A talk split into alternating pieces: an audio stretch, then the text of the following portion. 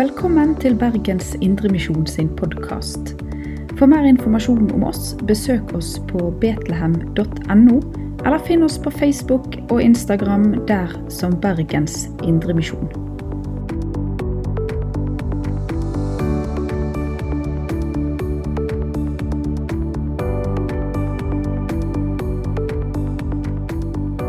Ja, i eh, kirkeåret så er det i dag såmannssøndag. Prekenteksten er henta fra Markus 4, vers 26 34. Da møter vi to eh, ulike lignelser om Guds rike, og de skal jeg lese nå. Og han sa, med Guds rike er det slik. Det er som når en mann har sådd korn i jorden. Han sover og står opp. Det blir natt, og det blir dag. Og kornet spirer og vokser, men han vet ikke hvordan det skjer. Av seg selv gir jorden grøde. Først strå, så aks, og til sist modent, i, eh, modent korn i akse. Så snart grøden er moden, svinger han sigden, for høsten er kommet.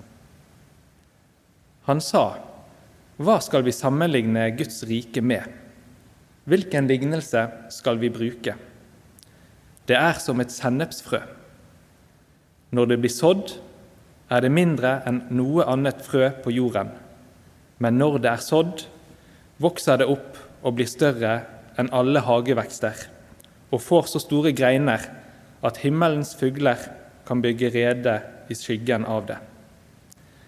Med mange slike lignelser talte han ordet til dem, så mye de var i stand til å høre.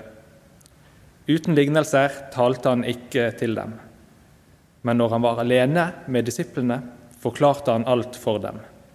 Slik lyder Herrens ord. Gode Jesus, jeg legger denne preken i dine hender. La oss alle lære noe, og jeg ber om at hvis det er noe her som ikke er ifra deg, så vil det ikke slå rot. I ditt dyre navn, Jesus. Amen. Det er flere måter å eh, angripe disse tekstene her. Det er mye som går an å gripe tak i.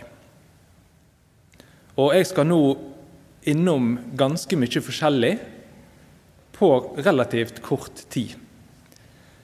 Og jeg har en rød, rød, tråd som jeg håper blir at jeg får kunne svart på tre spørsmål. Og De spørsmålene er hva er egentlig Guds rike? Det er første spørsmålet. Andre spørsmål hva betyr det at Guds rike er kommet nær? Og siste spørsmålet hva forteller disse lignelsene her om hvordan Gud arbeider? så håper jeg at eh, de spørsmålene der eh, kan beholde sammenhengen gjennom hele talen. Så Vi begynner med første spørsmål. Hva er egentlig Guds rike? Disse, denne teksten for i dag tar ikke opp akkurat det spørsmålet direkte, men handler mer om hvordan Guds rike blir utbredt. Men jeg tenker at det likevel kan være greit å si noe om Kanskje tenker du at hva er Guds rike? er et litt vel enkelt, banalt spørsmål. Men jeg tror kanskje ikke det. Jeg hadde egentlig tenkt å ha en spørreundersøkelse på skolen om dette spørsmålet her i uka som var, og så dessverre ble tida for knapp. da. Men jeg tror at jeg hadde fått mange ulike svar på spørsmålet. Og når jeg har hatt om temaet i de klassene som jeg underviser, der er i alle fall svarene ganske ulike. Selv om det er et kjempesentralt spørsmål for oss kristne. Og Grunnen til at jeg tror jeg hadde fått flere ulike svar, er at det fins òg flere gode svar som kan være rett. Hadde jeg f.eks. hatt eh, muligheten til å ta en spørreundersøkelse blant jøder på Jesus' i tid om forventningen til Guds rike, så ville nok stort sett Svarene handla om framtidshåpet, der det skulle bli slutt på all undertrykkelse, og der Messias skulle komme inn som en mektig konge og skape fred. Det skulle være en befrielse for Guds folk, og det nye Jerusalem skulle bli Guds kongerike sitt sentrum. Og Derfor ble det for mange en stor skuffelse når Jesus dukka opp og sa at Guds rike var kommet nær. For forventningene som lå i lufta, de var ikke i nærheten av å bli oppfylt. Jesus kom ikke med umiddelbar frihet og fred, og han tok ikke makta som en mektig hersker. Så det var egentlig ikke så rart at mange ikke trodde at Jesus var den lova Messias. Så hva var det da som hadde kommet nær ved Jesus? Jo, vi får et lite hint om det tidligere i Markus kapittel 4. Det som ikke var teksten til i dag, men som er i den samme sammenhengen. Da, da finner vi den kjente lignelsen om såmannen som sådde sine frø ulike plasser. Noe falt ved veien og ble ete av fugler. Det som falt på steingrunn, skjøt raskt i været, men ble svidd og visna fordi det ikke hadde nok jord. Og noen frø falt blant tornebusker og ble kvelt. Men så var det noe som falt i god jord.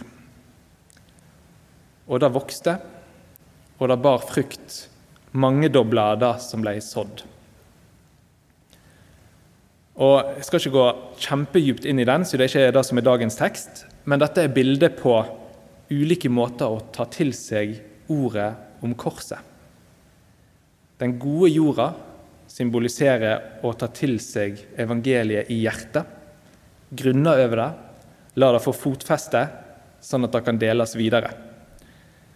De andre jordbundna eh, symboliserer å høre evangeliet, men av ulike grunner ikke la det spire i det lange løp.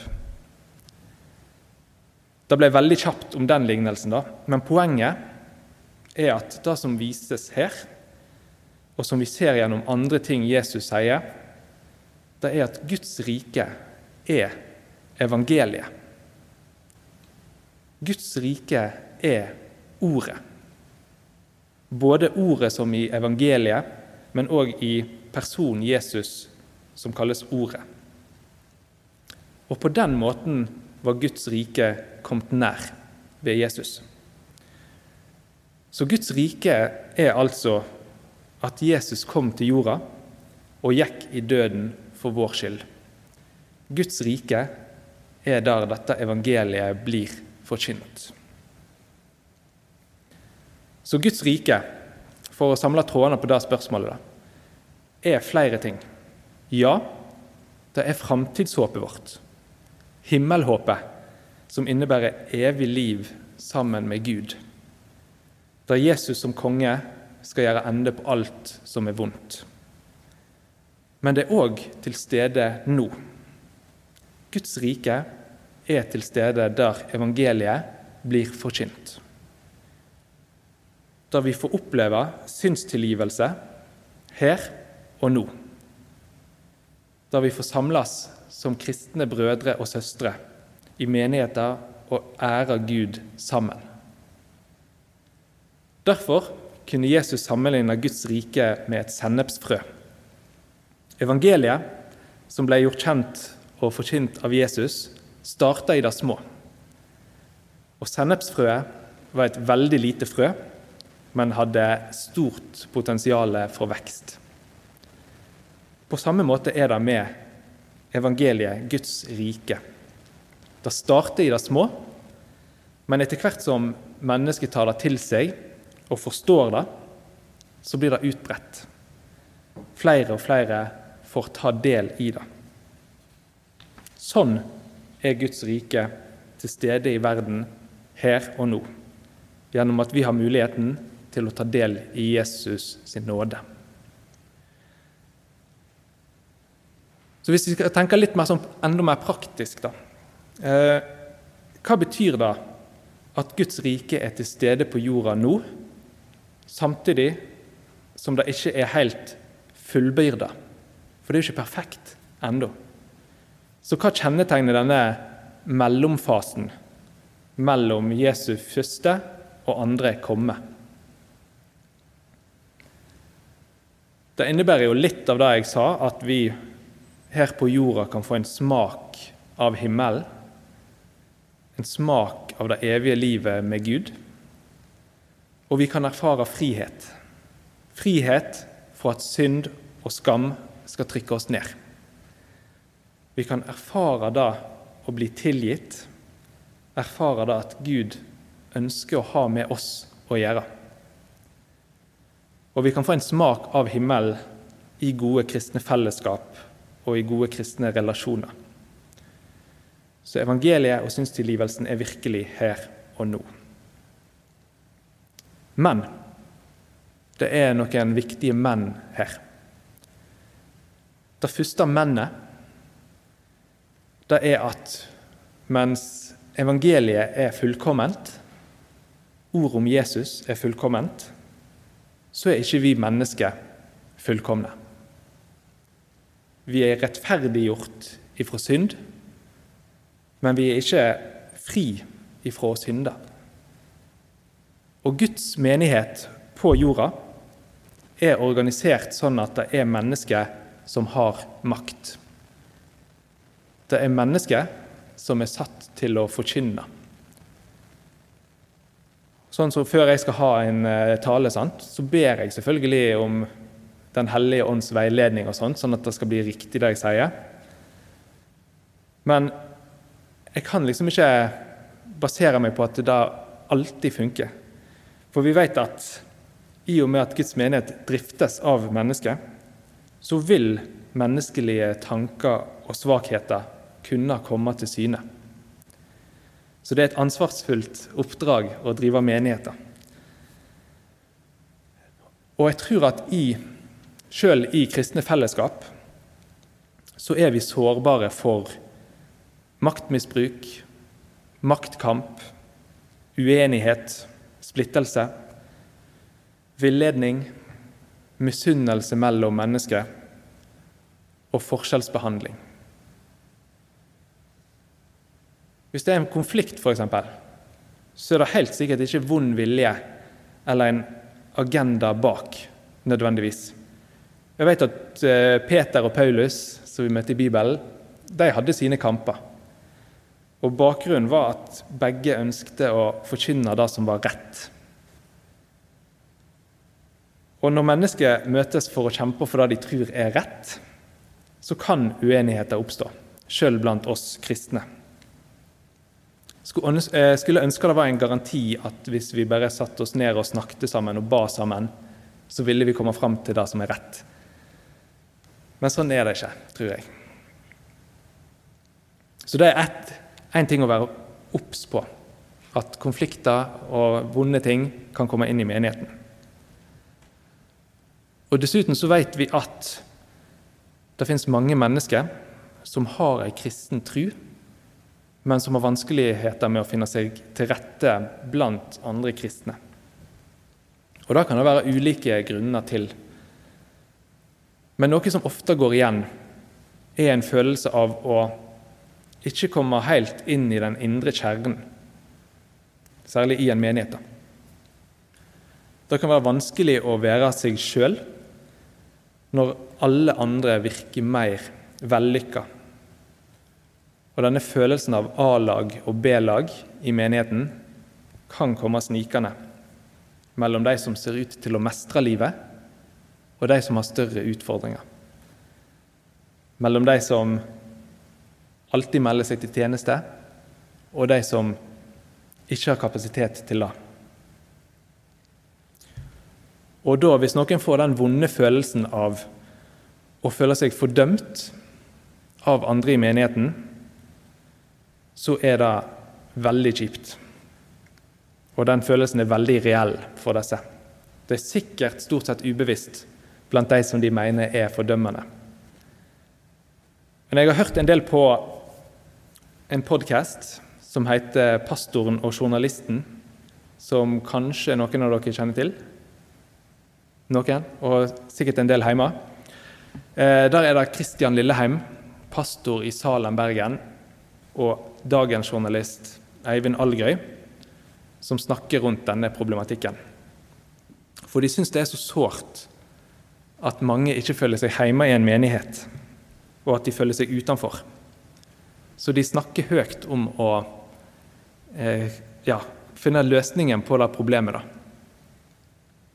Og frykta er at menighetens kun skal bli for de som er vellykka. Jeg anbefaler å høre på den podkasten. Det er ingen sånn kjempeenkel løsning de kommer fram til, men mye handler om å faktisk se hverandre, faktisk bry seg om hverandre og ta seg tid til hverandre. Dette betyr ikke at menigheter som kan ha konflikter eller har mennesker som ikke føler seg hjemme der, ikke er menigheter som elsker Jesus, eller ikke er menigheter som har god evangelieforkynnelse som peker på Jesus. Jeg sier bare at sånn er virkeligheten nå, så lenge ikke Guds rike er fullkomment. Og dette er ting vi som kristne og dere som menighet her bør være bevisst på og be om rettledning i. Bevisst på hvordan skal vi møte alle mennesker med godhet og nestekjærlighet heller enn fordømmelse. Det var et veldig langt men. Eh, og det er et litt kortere men nå. Eh, for mens evangeliet er fullkomment, så er ikke denne verden fullkommen ennå. Så selv om vi kan oppleve Guds rike her og nå, så er vi kristne, som alle andre, del av en verden fylt av ondskap, forgjengelighet og død. Jeg tror det egentlig er en eh, selvfølge i våre sammenhenger her, men det er likevel nødvendig å stadig bli minnet på. For selv om en type herlighetsteologi som lover kristne framgang gjennom livet, at denne forståelsen stort sett er bekjempa, så dukker den stadig opp. Om ikke fra talerstolen, så kanskje hos oss sjøl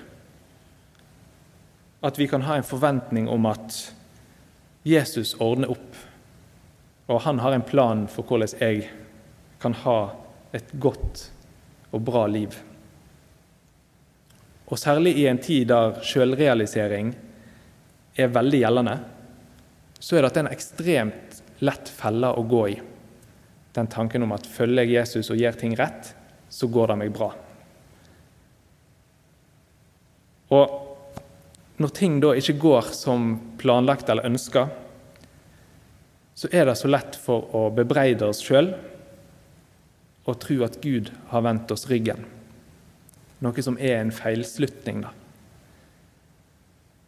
Det at vi som kristne ikke er vaksinert mot å oppleve smerte eller andre vonde ting, er selvfølgelig litt kjipt. Det hadde vært deilig hvis vi hadde vært vaksinert mot det. Og vi ser jo selvfølgelig fram til den dagen Gud skal gjøre slutt på all ondskap. Men samtidig er det faktisk en trøst. For det betyr at vi kan slippe å måle vårt kristenliv etter vår egen suksess.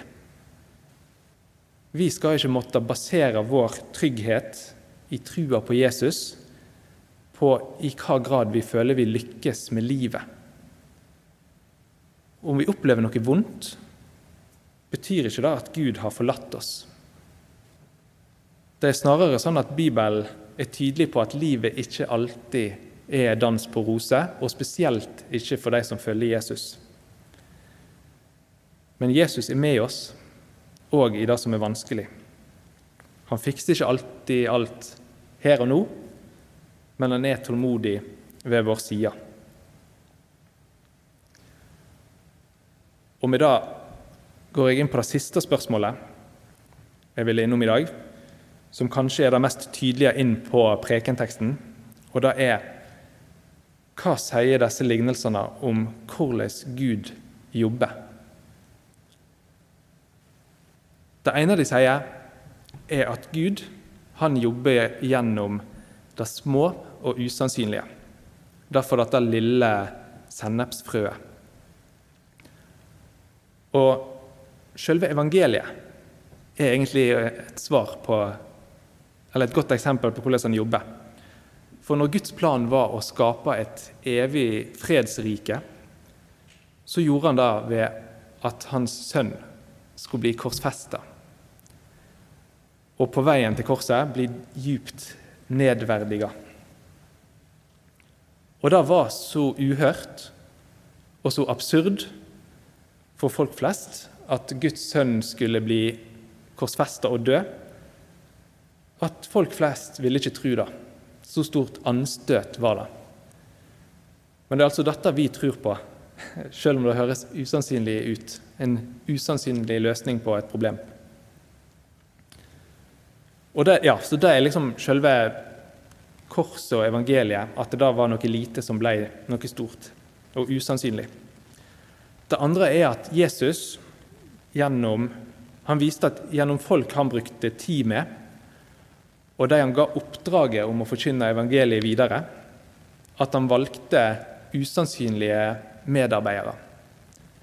Han valgte tollere, syndere, folk som arbeider med hendene. Ikke at det er noe eh, gale, men det var liksom ikke de eh, han valgte ikke de mektige statsledere og skriftlærde. da.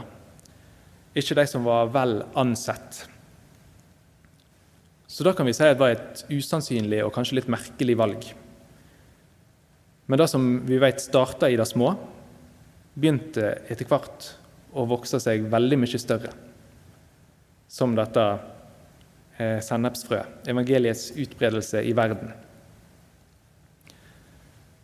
Og jeg tror at gjennom de litt eh, merkelige, usannsynlige valgene da, som eh, Gud har tatt, så viser han oss at i det store bildet så er det han som er ansvarlig for at evangeliet skal vokse fram. Det er ikke menneskets eller vårt ansvar i bunn og grunn. Gud er den som gjør trua virksom i oss. Derfor er det ikke vår fortjeneste om Guds ord vokser eller bærer frukt i hjertene våre eller andres. Og litt som denne såmannen som sådde sine frø, og så gikk han og la seg, sto opp neste dag og så at de hadde begynt å spire. Han visste ikke hvordan. Og det han eneste han hadde gjort, var å så. Og sånn er det litt for oss òg. Vi kan så, vi kan fortelle om Jesus, eh, men det er han som aktivt må gripe inn og la eh, trua vokse, både i oss sjøl og hos andre.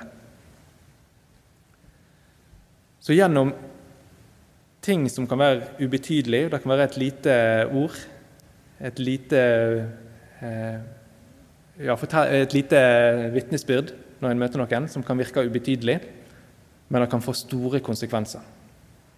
Så Gud kan gjøre store ting.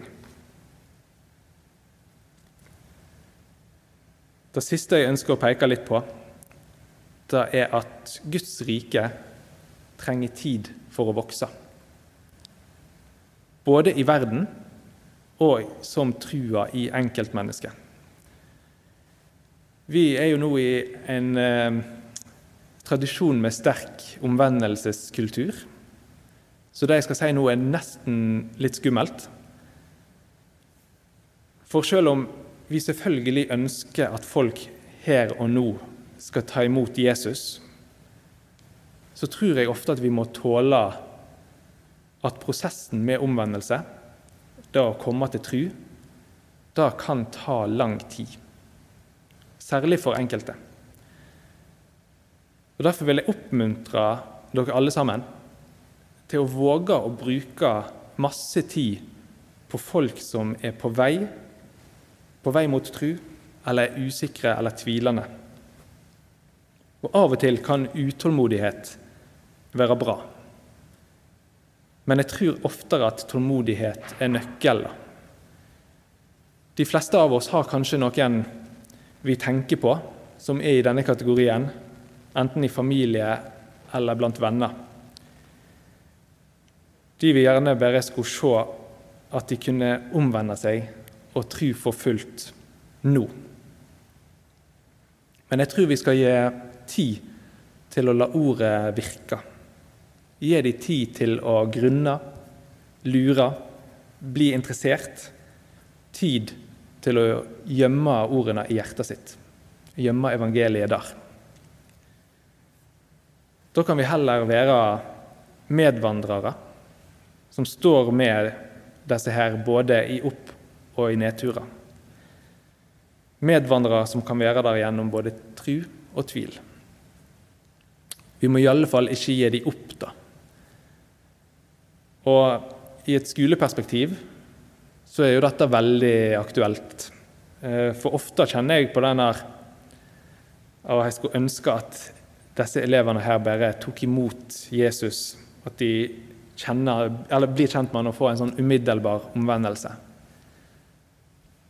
Men så må vi stole på at det ikke alltid er at vi ser fruktene av det vi forkynner. Og jeg må stole på at selv om det er mange elever som ikke tar imot Jesus på Danielsen videregående, så håper jeg jo at de har fått et eller annet. Noe som kan vokse til noe stort seinere. Og denne her eh, typen tålmodighetshistorie tålmodighetshistorier da, er det mange av i Guds rike. Historier som ikke er en sensasjonshistorie, men historier om at folk har møtt Jesus gjennom tålmodige medmennesker.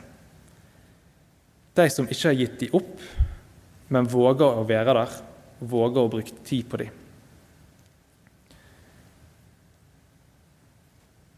Jeg eh, er jo veldig glad i spørreundersøkelser, som dere har skjønt.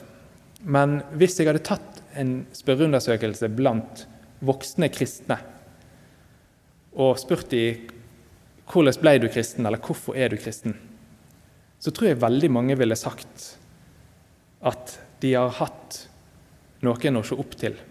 Noen forbilder som har hatt trua på dem, brukt tid på dem, vært til stede når det trengtes. Og jeg tror det er så viktig, da. Og en annen plass i Bibelen, da blir trua sagt å være som et sennepsfrø. At en liten tru kan bli til noe stort.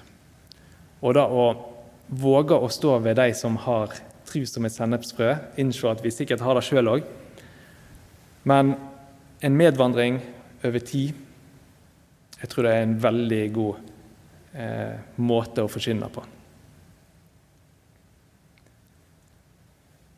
Nå går jeg inn for landing, så jeg skal prøve meg på en megakjapp oppsummering. For nå har jeg vært innom veldig masse forskjellig. Men Guds rike, det er noe vi håper eh, og tror skal realiseres for fullt i framtida. Samtidig så er det til stede her og nå ved at vi får ta del i evangeliet, trua på Jesus. Men siden dette riket ikke er fullbyrda ennå, så vil verken menigheten, verden, vi sjøl eller våre medmennesker være perfekte.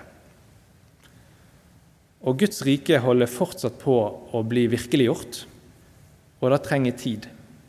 Både i verden generelt, men òg hos enkeltmennesket. Ære være Faderen og Sønnen og Den hellige ånd, som var, er og blir en sann Gud, fra evighet til evighet. Amen.